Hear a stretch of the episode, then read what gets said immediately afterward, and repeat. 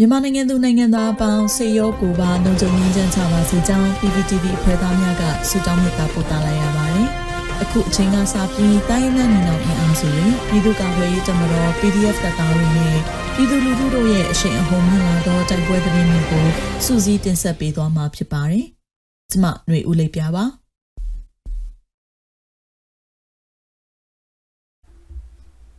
ပထမဆုံးအနေနဲ့ဝက်လက်မြို့နယ်ရှိမကာကြီးရွာရှိစစ်ကောင်စီစခန်းကိုဒေသကာကွယ်ရေးတပ်ဖွဲ့များကဒရုန်း၅စီးဖြင့်ပုံကျဲတိုက်ခိုက်တဲ့သတင်းတင်ဆက်ပါမယ်။စကိုင်းတိုင်းဝက်လက်မြို့နယ်ရှိမကာကြီးရွာတွင်ဝင်ရောက်တဆွဲထားသောအကြမ်းဖက်စစ်ကောင်စီစခန်းကိုဒေသကာကွယ်ရေးမဟာမိတ်အဖွဲ့များကစက်တင်ဘာလ9ရက်ယမန်နေ့မွန်းလွဲပိုင်းတွင်ဒရုန်း၅စီးဖြင့်ပုံကျဲတိုက်ခိုက်ခဲ့ကြောင်းသတင်းရရှိပါသည်။ ရှိမကကျေးရွာတွင်အကြံဖက်စစ်တပ်ရဲနှင့်လက်ပါစီပြူစောတီများစခန်းချတပ်ဆွဲထားပြီးရင်းစခန်းကိုယမန်နေ့မွန်းလွဲ2နာရီတွင်ဒရုန်းများဖြင့်ရှစ်ကြိမ်ဘုံကျဲတိုက်ခိုက်ခဲ့ခြင်းဖြစ်ကြောင်းနှင့်စစ်ကောင်စီတပ်ဖွဲ့ဝင်များထိခိုက်သေးဆုံးစီးရင်ကိုဆက်လက်စုံစမ်းစစ်ဆေးနေဆဲဖြစ်ကြောင်းလျှက်စီးပြောက်ကြားတပ်ဖွဲ့ဝက်လက်ကသတင်းထုတ်ပြန်ထားတာပါ။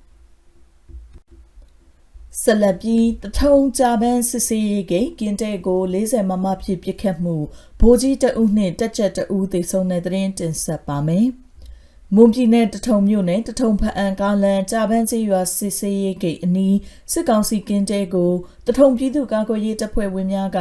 စက်တင်ဘာလ9ရက်ညနေ9:00နာရီမှ9:40မမဖြစ်တွားရောက်ပစ်ခတ်ရာဗိုလ်ကြီးတအုပ်တက်ချက်ကြီးတအုပ်သိဆုံးပြီး စစ်သား9ဦးထိခိုက်ဒဏ်ရာရရှိကြောင်းဒေသခံများထပ်မံသိရှိရပါတယ်။ဂျပန်စစ်စေးရေးဂိတ်ရဲကင်းပစ်ခတ်ခံရပြီးနောက်အဆိုပါနေရာတဝိုင်းမိအမောင်ချထားပြီးလမ်းများပိတ်ထားခဲ့ကြောင်းလက်ရှိတွင်ကားများပြန်လည်သွားလာနေပြီဖြစ်ကြောင်းလက်ရှိအချိန်ထိအကြမ်းဖက်စစ်တပ်မှလက်နက်ကြီးများရန်တမ်းပစ်ခတ်နေသေးကြောင်းဒေသခံများထပ်မံသိရှိရပါသည်။ ဆက်လက်ပြီးကရင်ပြည်နယ်ဖရူဆိုမြို့နယ်တွင်တိုက်ပွဲများမှာစကားဆာစစ်သားထိခိုက်မှုများပြတဲ့သတင်းတင်ဆက်မှာပါ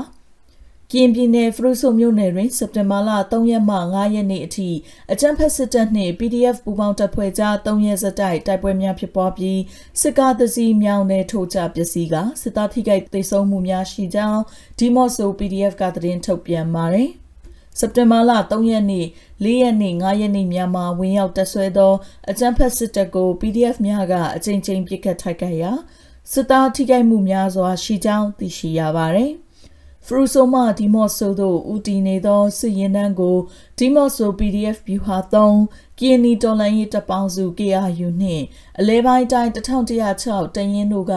ပူးပေါင်းတိုက်ခိုက်ခဲ့ခြင်းဖြစ်ပြီး PDF တအူးမစိုးရိမ်တန်ရာရရှိကြောင်းဒီမော့ဆို PDF ကသတင်းထုတ်ပြန်ထားပါတယ်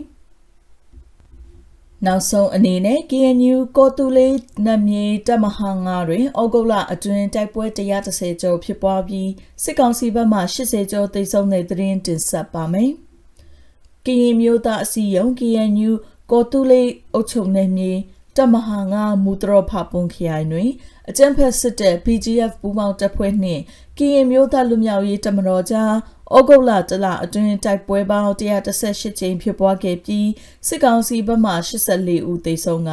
49ဦးဒဏ်ရာရကြောင်းမူတရသတင်းစင်ကထုတ်ပြန်ပါတယ်။တိုက်ပွဲများအတွင်းသေဆုံးသူအများစုမှာအကြံဖက်စစ်ကောင်စီ၏ခပိုက်ဆောင် PGF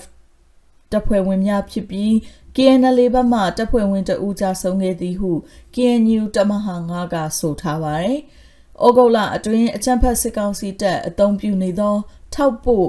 တရားဒဇင်ကို KNL ဘက်မှဖျက်ဆီးနိုင်ခဲ့ကြောင်းသိရှိရပါတယ်ရှင်။